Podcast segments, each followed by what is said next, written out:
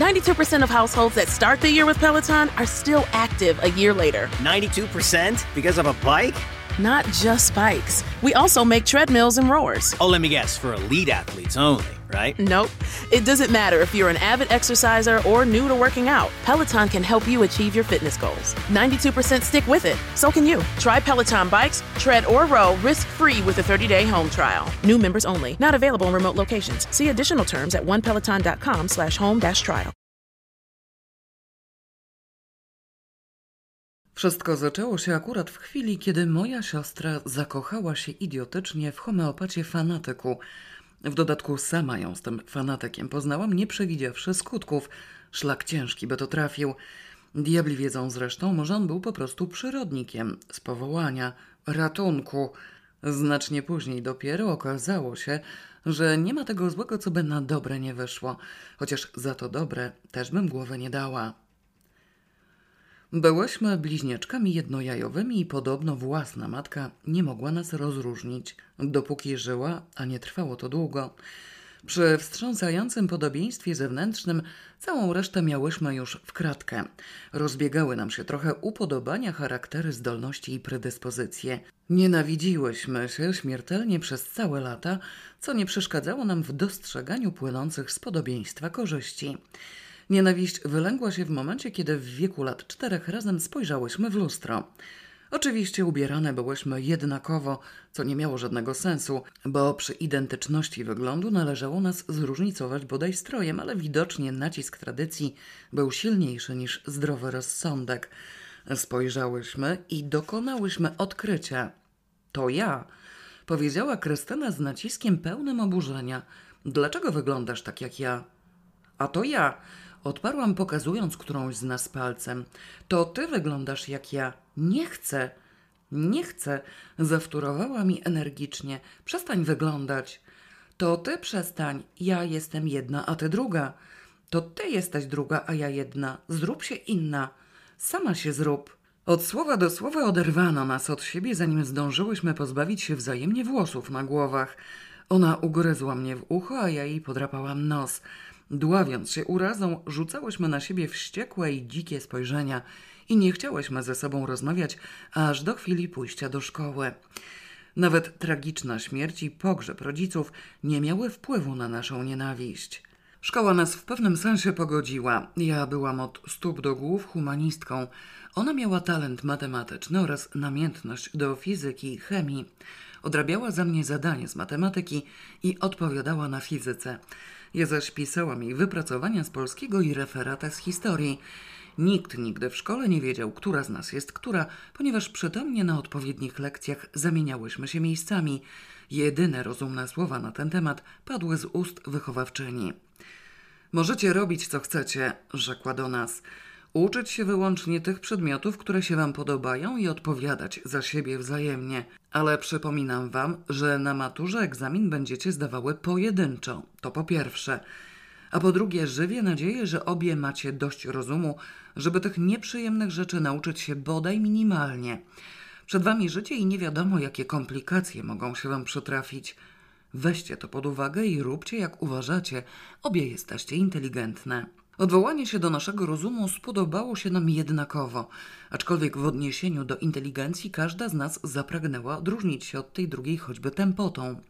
Pragnienie było nikłe i w rezultacie ja znałam tabliczkę mnożenia, a ona pamiętała datę bitwy pod Grunwaldem i umiała pisać ortograficznie. Jedyny wspólny nam talent to były zdolności językowe podobno odziedziczone po mieszanych przodkach – to wyjątkowo nie stosowałyśmy żadnej wymiany, przeciwnie, raczej rywalizację. Nasza rodzina miała nieco oleju w głowie i widząc zapał, stworzyła nam możliwości. Dzięki temu jednakowo znałyśmy francuski, angielski i niemiecki i dopiero dalej nas rozdzieliło. Ja się uparłam przy włoskim, a ona przy hiszpańskim. Potem ona uczepiła się szwedzkiego, a ja greki. Poliglotki, można powiedzieć. Z biegiem lat nasza wzajemna nienawiść nieco przeschła i w chwili zdawania matury byłyśmy już zaprzyjaźnione. Przy czym w wykorzystywaniu podobieństwa miałyśmy wprawę olbrzymią. Pierwotnej bezproduktywnej ucieszy dałyśmy spokój, przedkładając nad nią korzyści praktyczne. Od śmierci rodziców, która nastąpiła tuż przed ukończeniem przez nas piątego roku życia, wychowywali nas dziadkowie oraz liczni wujowie i ciotki. Warunki miałyśmy znakomite. Wielka willa w ogrodzie na skraju miasta. Wielkopłytowy Ursynów nas nie sięgnął i żaden wysokościowiec nie zaglądał nam w zęby, a za to miałyśmy świeże powietrze i wodę z własnego ujęcia. W dziesięciu pokojach willi doskonale mieściły się trzy rodziny. Babka z dziadkiem, wuj z ciotką i jedynym dzieckiem Jureczkiem młodszym od nas o sześć lat, my obie i Andzia z wnuczką. Andzia dobiegała osiemdziesiątki, czego nikt by po niej nie poznał. Trzymała się fenomenalnie i była tak zwaną starą sługą rodziny z czasów jeszcze przedwojennych. Opiekowała się naszą babką w jej okupacyjnym dzieciństwie, wnuczkę zaś sprowadziła z zaprzyjaźnionej wsi jako swoją następczynię. Nie zostanie panna Ludwika bez nijakiej pomocy, rzekła kiedyś stanowczo. Ja przysięgę składałam. Kasia po mnie nastanie, ona też ma nieślubne. Niech odchowa, a żyć z jakim jakby co może na wiarę, niech sobie ma dochodzącego.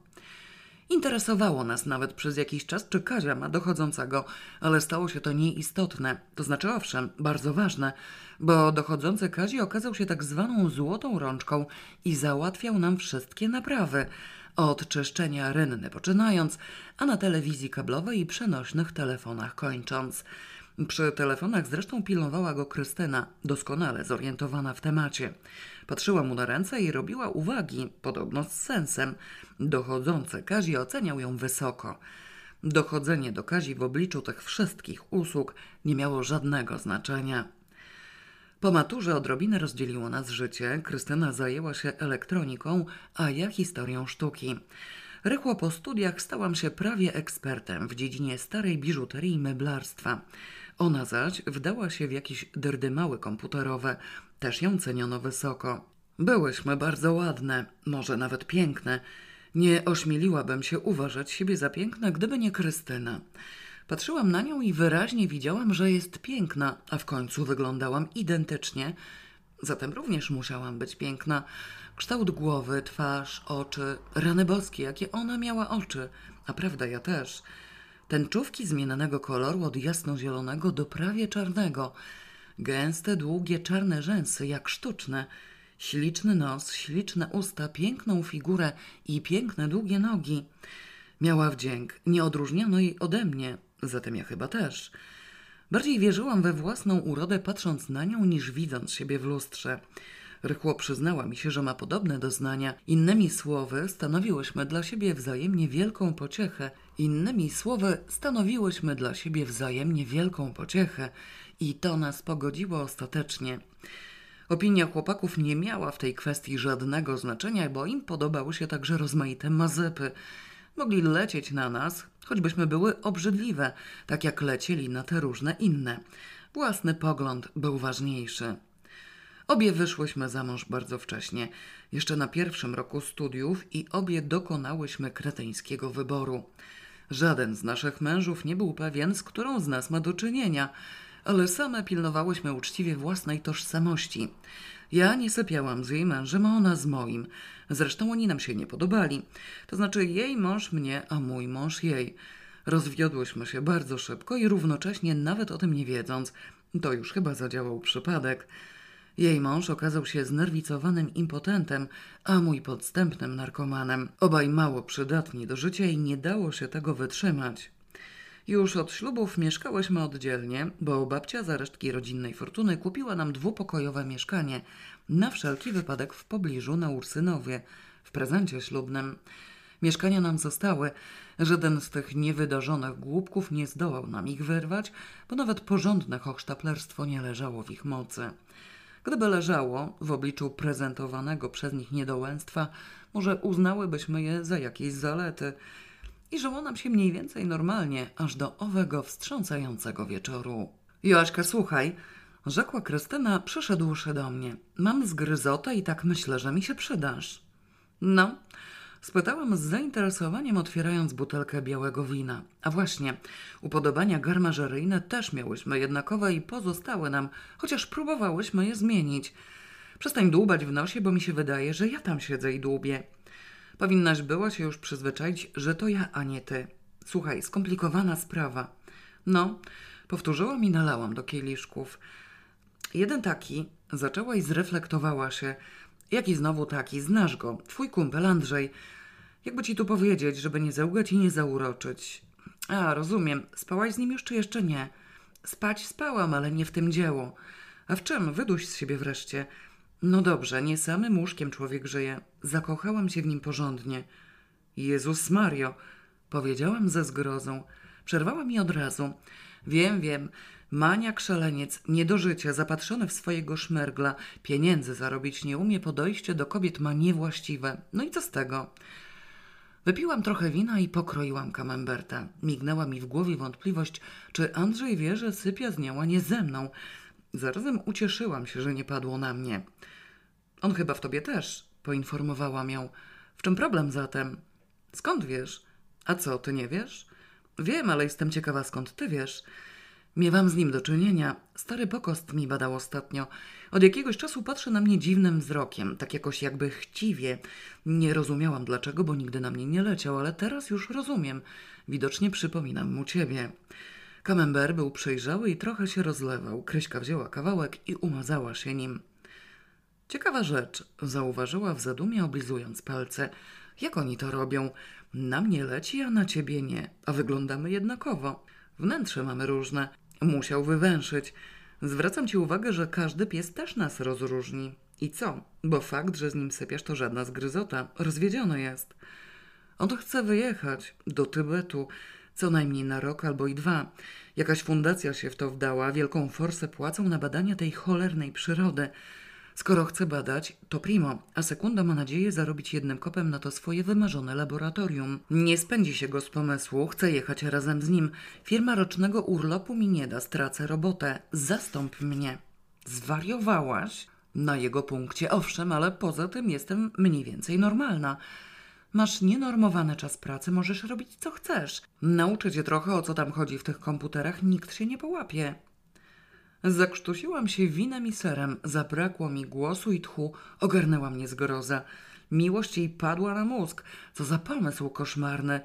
O jej robocie nie miałam zielonego pojęcia. Komputerem niby mogłam się posługiwać, ale w ograniczonym zakresie, a ona po tych maszyneriach szalała we wszystkie strony. Obłęd. Każdy jełop zorientowałby się z miejsca, że nie wiem co robię. Jej szef dostałby zawału. Wariatka. Milczałam, bo odjęło mi mowę. Kryśka oblizywała palce po kolejnym kamembercie. Oj, wprowadzę cię w temat, wielkie rzeczy, powiedziała niecierpliwie. Nie rób takiej gęby jak Piotrowin. Nie muszę w tym Tybecie siedzieć bez przerwy, mogę bywać z doskoku. Ustawię robotę, a ty tam coś poudajesz, jak mnie nie będzie, a w ogóle polecę na twój paszport, żeby nie było, że mnie nie ma. Znasz go przecież, Andrzeja mam na myśli. Co z oczu, to i z serca. Diabli go wiedzą, na co nadzieje się po drodze. Prędzej wyrzeknie się mnie niż parszywej roślinki. Chłopa nie można puszczać luzem, bo wiadomo, że głupi. Mimo woli kiwnęłam głową z tą ostatnią opinią, zgadzając się całkowicie. Alternatywą jest laboratorium, dodała jeszcze Krystyna. Cel i sens jego życia. Nie mam pieniędzy, żeby mu to urządzić. A dlaczego do cholery ty masz mu to urządzać? Spytałam zgryźliwie. Weźmiesz go na utrzymanie? W poślizg wpadłaś na emancypacji? Bogatego męża już miałam, nie? I co mi z tego przyszło? Tych ubocznych gachów to ja nie lubię. No owszem, przy mężu impotencie nerwicja miała jak w banku, a do tego był dziko zazdrosny i ubocznych gachów podrywanych dla terapii musiałaby przed nim starannie ukrywać. Okropne życie, to już zdecydowanie lepiej wyrzec się forsy. Jednakże na upiorny pomysł zastąpienia jej w pracy nie zamierzałam przystawać. W grę wchodziły właściwości umysłu, które miałyśmy różne i sam wygląd zewnętrzny nie wystarczał. Już prędzej ona mogłaby zastąpić mnie, chociaż zapewne nie uniknęłabym kompromitacji, bo węch do antyków z kolei miałam ja, a nie ona. Kryśka upierała się przy swoim. Protestowałam energicznie. W przerwach między inwektywami próbowałyśmy znaleźć jakieś inne wyjście, posuwając się nawet do myśli o złamaniu Andrzejowi nogi. Bez skutku jednak. Awantura rosła i zapewne pokłóciłybyśmy się śmiertelnie, gdyby nie to, że zadzwonił telefon. W słuchawce odezwała się ciotka, żona naszego wuja z willi za Ursynowem. Joasiu, do ciebie dzwonię, więc to chyba ty. Przyszedł do was list polecony z paryskiego notariatu. Podwójnie na obie do ciebie i do Krysi. Gruby dość. Co mam z nim zrobić? Zaraz. Odparłam z wysiłkiem, tłumiąc nieźle już rozkwitłą furię i odwróciłam się do Krystyny. Złym głosem przegasałam jej informację. Wzruszyła ramionami, wściekła na mnie tak samo jak ja na nią. Ze złości żadna z nas nie doceniła wagi komunikatu. Jeśli cię interesuje, skocz po niego. Ja tu poczekam i jeszcze z tobą nie skończyłam. Obróciłam tami z powrotem w 14 minut, przewożąc grubą kopertę. Przez ten czas nasza irytacja trochę przyschła. Poprosiłam Krystynę, żeby na chwilę wypchnęła z siebie sercowe perypetie. Sprawdźmy, czego chce od nas paryski notariusz. Otworzyłam kopertę, bo ona wciąż, mimo oblizywania, była oblepiona kamembertem.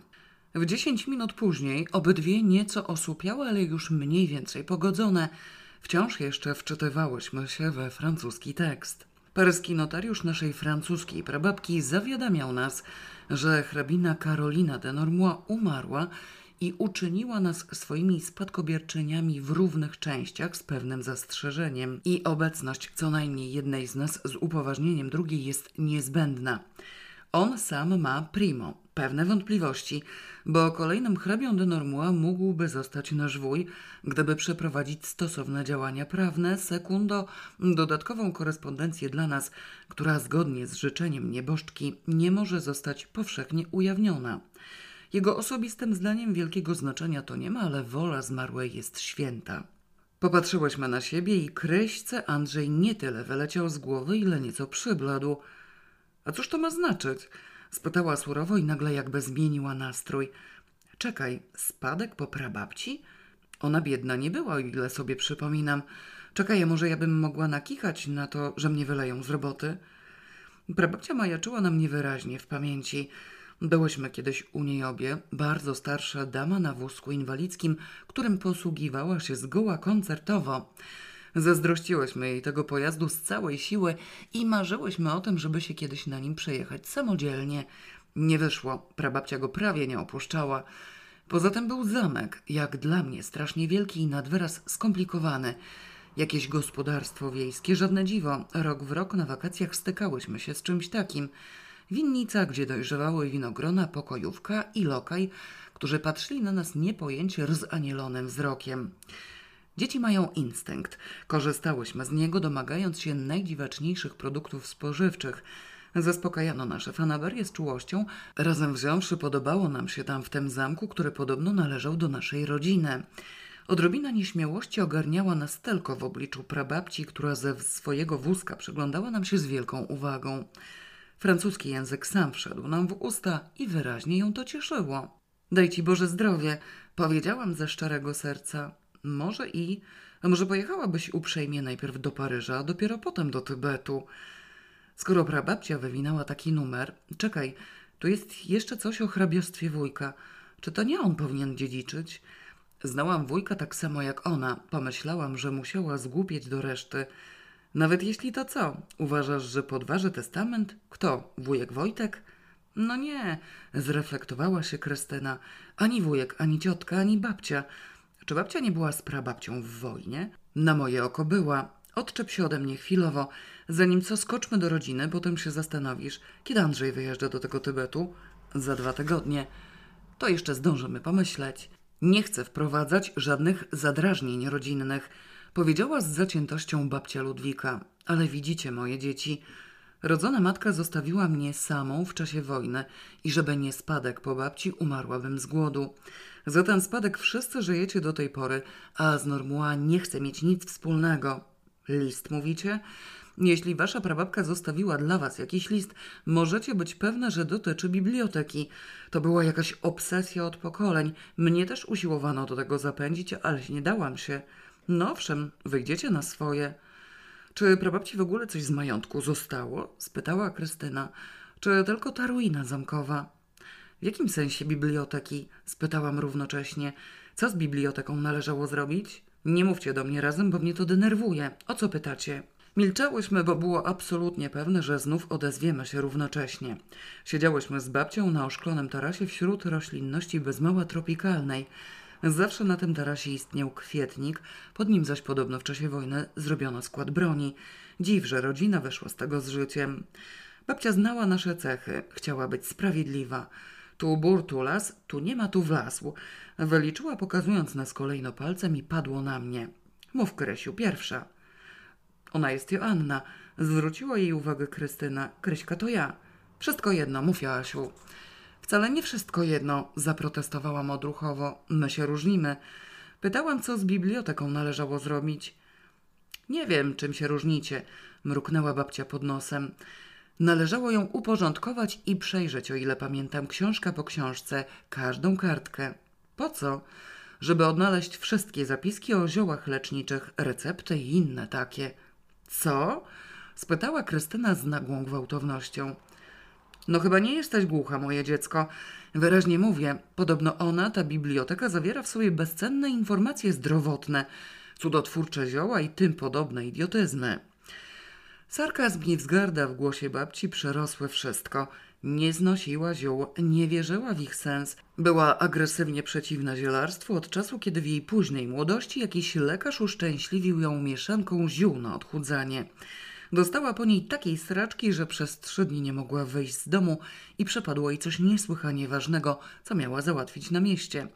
W dodatku ta mieszanka była wściekle gorzka. Raz na zawsze nabrała obrzydzenia do leczniczych sił przyrody.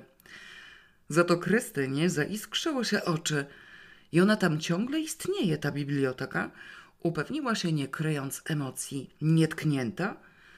Czy nietknięta, to nie wiem. Możliwe, że wasza prababka ją tknęła. Nietknięty pozostał raczej zabobon. Jaki zabobon? Podobno klątwa. Dopóki biblioteka nie zostanie uporządkowana, dopóki rodzina nie zdoła się wzbogacić na nowo, takie głupie gadanie słyszałam. Róbcie jak uważacie. Sprawa została przesądzona. Nie musiałam już namawiać swojej siostry na wyjazd do Francji. Sama zaczęła się tam pchać w gorączkowym pośpiechu.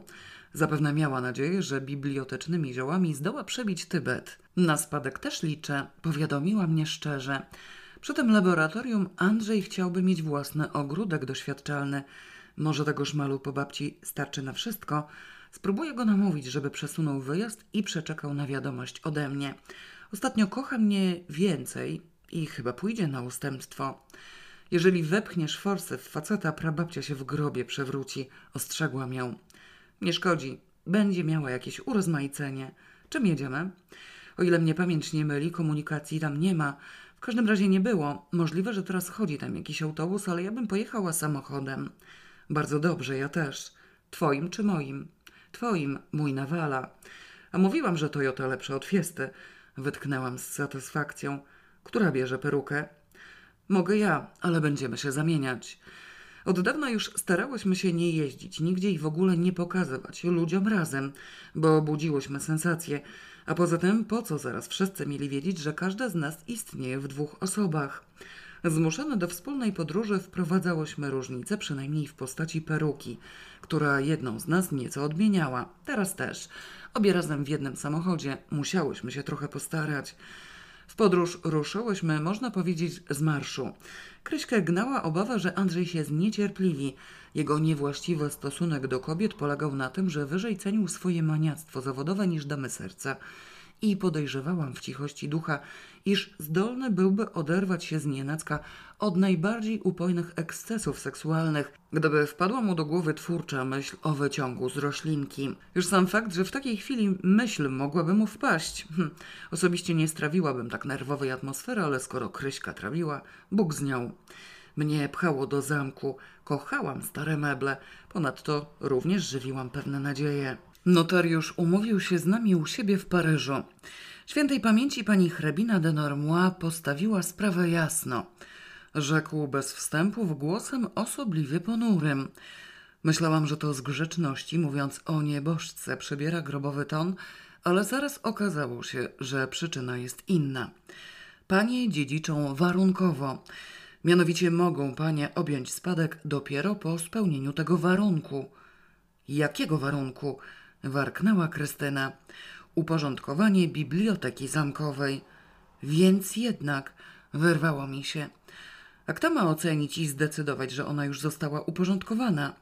Spytała gniewnie moja siostra wściekła na zwłokę. I na czym to uporządkowanie ma polegać?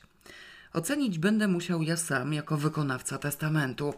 Panie mają przejrzeć każde dzieło, ustawić wszystko chronologicznie, tematycznie, językowo. To już panie zdecydują. I sporządzić katalog z oznaczeniem miejsca. Powiedzmy, ponumerować szafy i półki. Zdaje się, że będzie to galernicza praca, zauważyłam grzecznie. To też dlatego nigdy nie została doprowadzona do końca. Osobiście byłbym wdzięczny paniom za pośpiech, ponieważ dopóki ta sprawa nie zostanie zakończona, nie mogę przejść na emeryturę, co już dawno powinienem uczynić. Trzyma mnie w tej kancelarii wyłącznie testament hrabiny de Normois, szczerze to wyznaję. A jak zapewne raczyły panie zauważyć, nie jestem już młody. No owszem, na moje oko miał mniej więcej 120 lat. Z całego przemówienia oraz z jego tonu wynikało, że prababcia nieźle mu dogodziła. Nam też.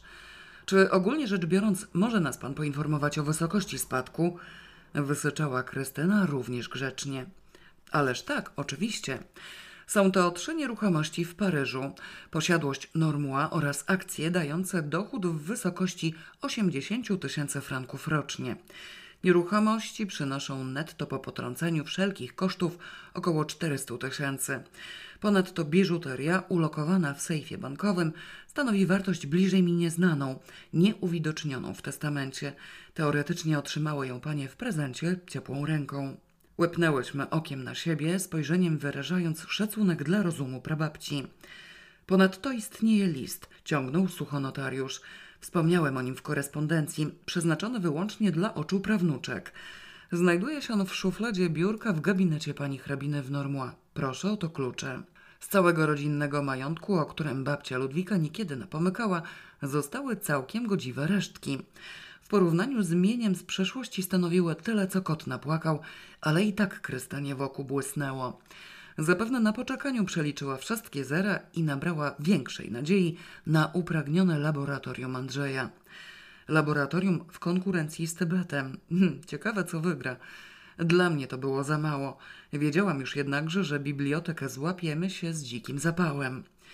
Zapewniłyśmy jeszcze pana notariusza, że wujek Wojtek nie zamierza zostać hrabią i już nas tam nie było. Przed nocą zdążyłyśmy do Normua. Poustawiali drogowskazy, a zamek był widoczny z pewnej odległości. Udało nam się trafić. Zamek jakoś zmalał. W dzieciństwie przed ćwierć wiekiem wydawał nam się większy. Teraz odrobinę wyskromniał, wciąż jednak robił niezłe wrażenie. Dobiłyśmy do niego późnym popołudniem. Kilka minut oglądałyśmy oświetloną słońcem budowę, po czym wjechałam na dziedziniec przez szeroko otwartą bramę. W progu paradnego wejścia powitali nas lokaj i pokojówka. Odnaleziony bez trudu w szufladzie biurka list prababci wyglądał dość osobliwie. Kochane dziewczynki, pisała prababcia, on jest, musi być, nie przepadł i nie zginął. Kochane dziewczynki, sama już uwierzyłam w klątwę, a wy ją możecie, a nawet musicie zdjąć. Kochane dziewczynki, od tamtego czasu wszystko zaczęło upadać, bo obietnica dana mojej prababce nie została spełniona. Kochane i tak dalej, musicie obejrzeć każdą książkę, a to, co znalazłam sama, też się znajduje w bibliotece. Przepisane do dużego zeszytu. To gruby brulion leży w szufladzie stołu. Zawarta jest tam wielka mądrość. Świat się robi brudny i zatruty. Nie sądzisz, że prababcia trochę zapadła na sklerozę? Spytała z powątpiewaniem Kryśka po kolejnym fragmencie tej dziwnej korespondencji. Zastanawiam się raczej, czy trafiłyśmy na właściwy list. Odparłam niezbyt pewnie. To mi wygląda na brudnopis. Nic innego w tej szufladzie nie ma, a w każdym razie nic nie przypomina listu. Na kopercie masz wyraźnie napisane do moich prawnuczek. Westchnęłam. No nic, czytajmy dalej. Może coś będzie miało sens. Kochane i tak dalej. Wszystko wskazuje na to, że ktoś go szuka i jego nazwisko pamiętam. Zatem wcale nie zginął, gdzieś musi być. Ostatnia nadzieja rodziny, wielki majątek. Może potem, kiedy klątwa przestanie działać, uda wam się go znaleźć. Kochane moje prawnuczki, jesteście bliźniaczkami i z tej przyczyny wydaje mi się, Kochane i tak dalej, jestem bardzo starą kobietą. Zostawiam wam wszystko, ale musicie tę przeklętą bibliotekę doprowadzić do porządku. Szukajcie zapisków i notatek robionych ręcznie, na marginesach i w ogóle wszędzie. Zioła. Podobno moja prababka potrafiła wyleczyć każdą chorobę ziołami i przepisy tu właśnie znajdziecie. Trzeba to zebrać razem i dać jakiemuś lekarzowi. Kochane dziewczynki, przepisałam i zabrałam zaledwie trochę, ale już i z tego widać, że to leczenie ziołami ma swój sens. Próbowałam znaleźć doktora, który by się tym zajął, ale nie udało mi się, bo teraz lekarzami zostają sami kretyni. Zdaje się, że należało skojarzyć Andrzeja z naszą prababcią. Zauważyłam zgryźliwie. Dogadaliby się w mgnieniu oka. A jakbyś zgadła, ale wygląda na to, że babcia nic nie pokręciła. Rzeczywiście w grę wchodzą zioła i nawet o klątwie mowa. Odwróciłam zapisaną kartkę. Rany boskie, osiem stron tych kawałków. Same początki. Nie mogła się prababcia chociaż trochę rozpisać? W kółko to samo, skrzywiła się Krystyna. Aż trudno wydaje mi się, że z samej grzeczności musimy wszystko przeczytać. Jedźmy dalej. Kochane moje dziewczynki, największe urozmaicenie widzę w nagłówkach. Mruknęłam z niechęcią. Powinnam wam opisać całą tę historię, tak jak ją słyszałam od mojej matki, a ona od swojej babki. Byłabym pewna, że już wszystko przepadło, gdyby nie te ostatnie wydarzenia. Głupcy, tu usiłują szukać, tu, gdzie z pewnością go nie ma. Kochane dziewczynki, jak się wchodzi, to ten pierwszy róg na lewo był początkiem i od rogu w prawo szukałyśmy, moja matka i ja. Przejrzałam cały segment półek, a drugiego trzy czwarte, bo potem zleciałam. Na dole drugiego segmentu było najwięcej i to właśnie przepisałam do brulionu, co trwało bardzo długo. Klątwa ciąży nad tą biblioteką, bo ilekroć któraś z nas zaczynała tę pracę, przytrafiały się jakieś nieszczęścia i kłopoty. Ładna perspektywa, mruknęła Krystyna. Kochane dziewczynki, na starość mam przeczucie, a przed śmiercią ludzie miewają jasnowidzenia, że jeśli uda wam się uporządkować bibliotekę, znajdziecie go. Jest was dwie. Kogo u diabła znajdziemy? Zirytowała się Krystyna. Szkielet, który należy pochować w poświęconej ziemi? Żeńszenia, podsunęłam zjadliwie. Korzeń mandragory. Nie będzie Andrzej musiał pchać się pod odraństwo do Tybetu. Obyś była dobrym prorokiem. Kłopot widzę tylko w tym, że raz on tu musi być, a raz go z pewnością nie ma. Nie trój, skończmy to. Kochane prawnuczki, zobowiązuję Was do porządnego sprawdzenia całej biblioteki i odnalezienia dorobku mojej prababki i jej przodkiń. Nie jej, bo ona nie była z Normontów. Wszystko jedno, starych przepisów i całej wiedzy o ziołach leczniczych. Kochane dziewczynki, raz to wreszcie trzeba załatwić i pamiętajcie, że majątek był olbrzymi. Nie, nie tak, nie wiem, zioła. Moja babka przysięgała, że sprawę ziół załatwi. Musicie to zrobić, żeby znalazła spokój w grobie. Krystyna zaczęła się śpieszyć. Może przeczytaj do końca sama, a ja już pójdę do tej cholernej biblioteki. Mogę zacząć od razu. Rozumiem, że kawałek od drzwi do narożnika prababcie zostawiły odłogiem. Zacznę od drzwi. Jak już rąk nie będę czuła, oddam się lekturze. Wzruszyłam ramionami. Podejrzewałam, że nie spocznie do rana. Doping w postaci Andrzeja miała potężny. Byłyśmy już po kolacji, służba prababci po jej śmierci pozostała na miejscu i kucharka na karmienie nas uważała za swój obowiązek. Czułam się nieźle schetana, bo to ja prowadziłam całą drogę. Kryśka wolała rańskie wina i nie zamierzałam się wygłupiać. Mogłam przystąpić do pracy od rana, nie musiałam w nocy, ale skoro ona miała ochotę. Doczytałam do końca niezwykły list prababci. Nie znalazłam nim żadnej odmiany. Wciąż kawałki początku bez dalszego ciągu. Wyobraziłam to sobie tak, że prababcia siedziała przy biurku i zaczynała pisać. Nie podobał jej się własny tekst, wahała się, zaczynała na nowo. Następnie zamyślała się. Wśród wahań tkwiła przy biurku w bezruchu, z piórem w dłoni, wpatrzona w przestrzeń za oknem. Czas upływał, nadchodziła noc. Prababcia szła spać, a nazajutrz zaczynała na nowo. Furt z tym samym skutkiem. Złożone do kupy fragmenty tych początków brzmiały jednoznacznie. Należało uporządkować bibliotekę i odnaleźć w niej wiedzę o ziołach leczniczych. Istna Niagara na młyn Krystynę. Miało nam być łatwiej, ponieważ byłyśmy bliźniaczkami. No może, zawsze cztery ręce to więcej niż dwie. Ponadto jakiś on, zarazem obecny i nieobecny, mógł się nam przy tej okazji przytrafić i wzbogacić nas ogromnie. Proszę bardzo, czymkolwiek ten on był, chociażby zabytkowym szkieletem, nie miałam nic przeciwko ogromnemu bogactwu. Byłam bowiem taką samą idiotką jak moja siostra.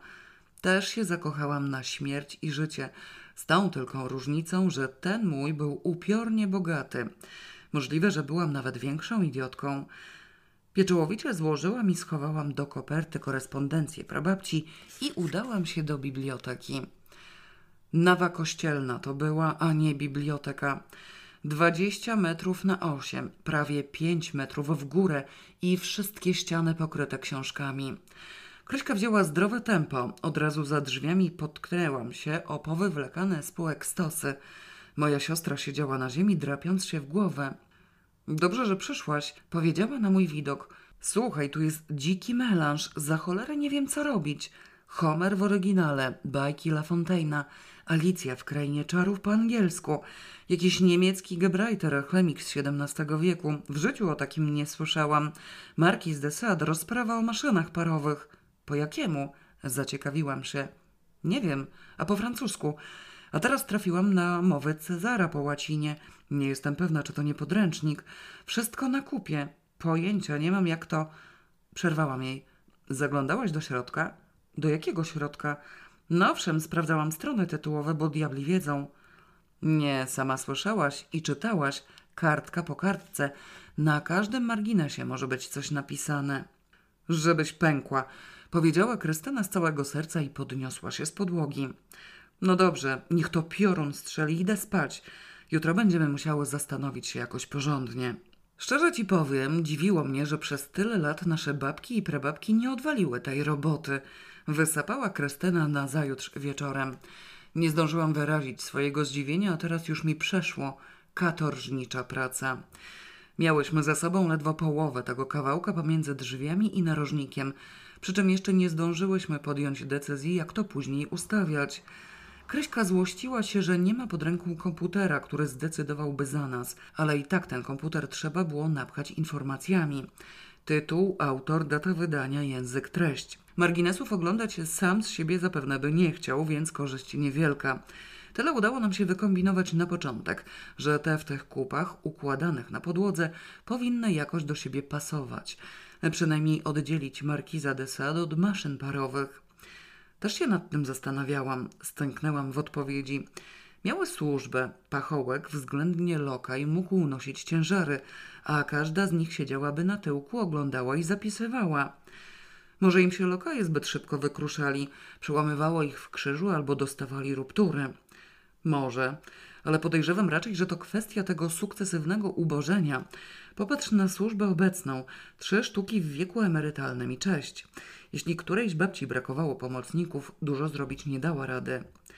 Nie sprawdziłyśmy jeszcze tych mebli w gabinecie i sypialniach, przypomniała Kreśka, siadając na dolnym szczeblu drabinki i ocierając pot z czoła. Tam zdaje się ta cała wiedza przyrodnicza jest już zebrana, brulion prababci i tak dalej. Usiadłam dla odmiany na stosie książek w twardych oprawach. To sobie zostawimy na deser. Będziemy miały samą przyjemność, mało męczącą. To również miałyśmy wspólne. Deser na koniec. Zawsze zjadałyśmy najpierw to gorsze, najlepsze zostawiając na zakończenie. I zdarzało się, że jedna drugiej zeżarła w ostatni kąsek. Też nam to przeszło. Popatrz, jak myśmy wyszlachetniały, zauważyłam smętnie. Od ilu lat już nie wydzieramy sobie z zębów końcówki. I za szlachetność od razu zostałam wynagrodzona, odparła żywo Krystyna, przeglądając jakąś książkę. Proszę, wreszcie coś.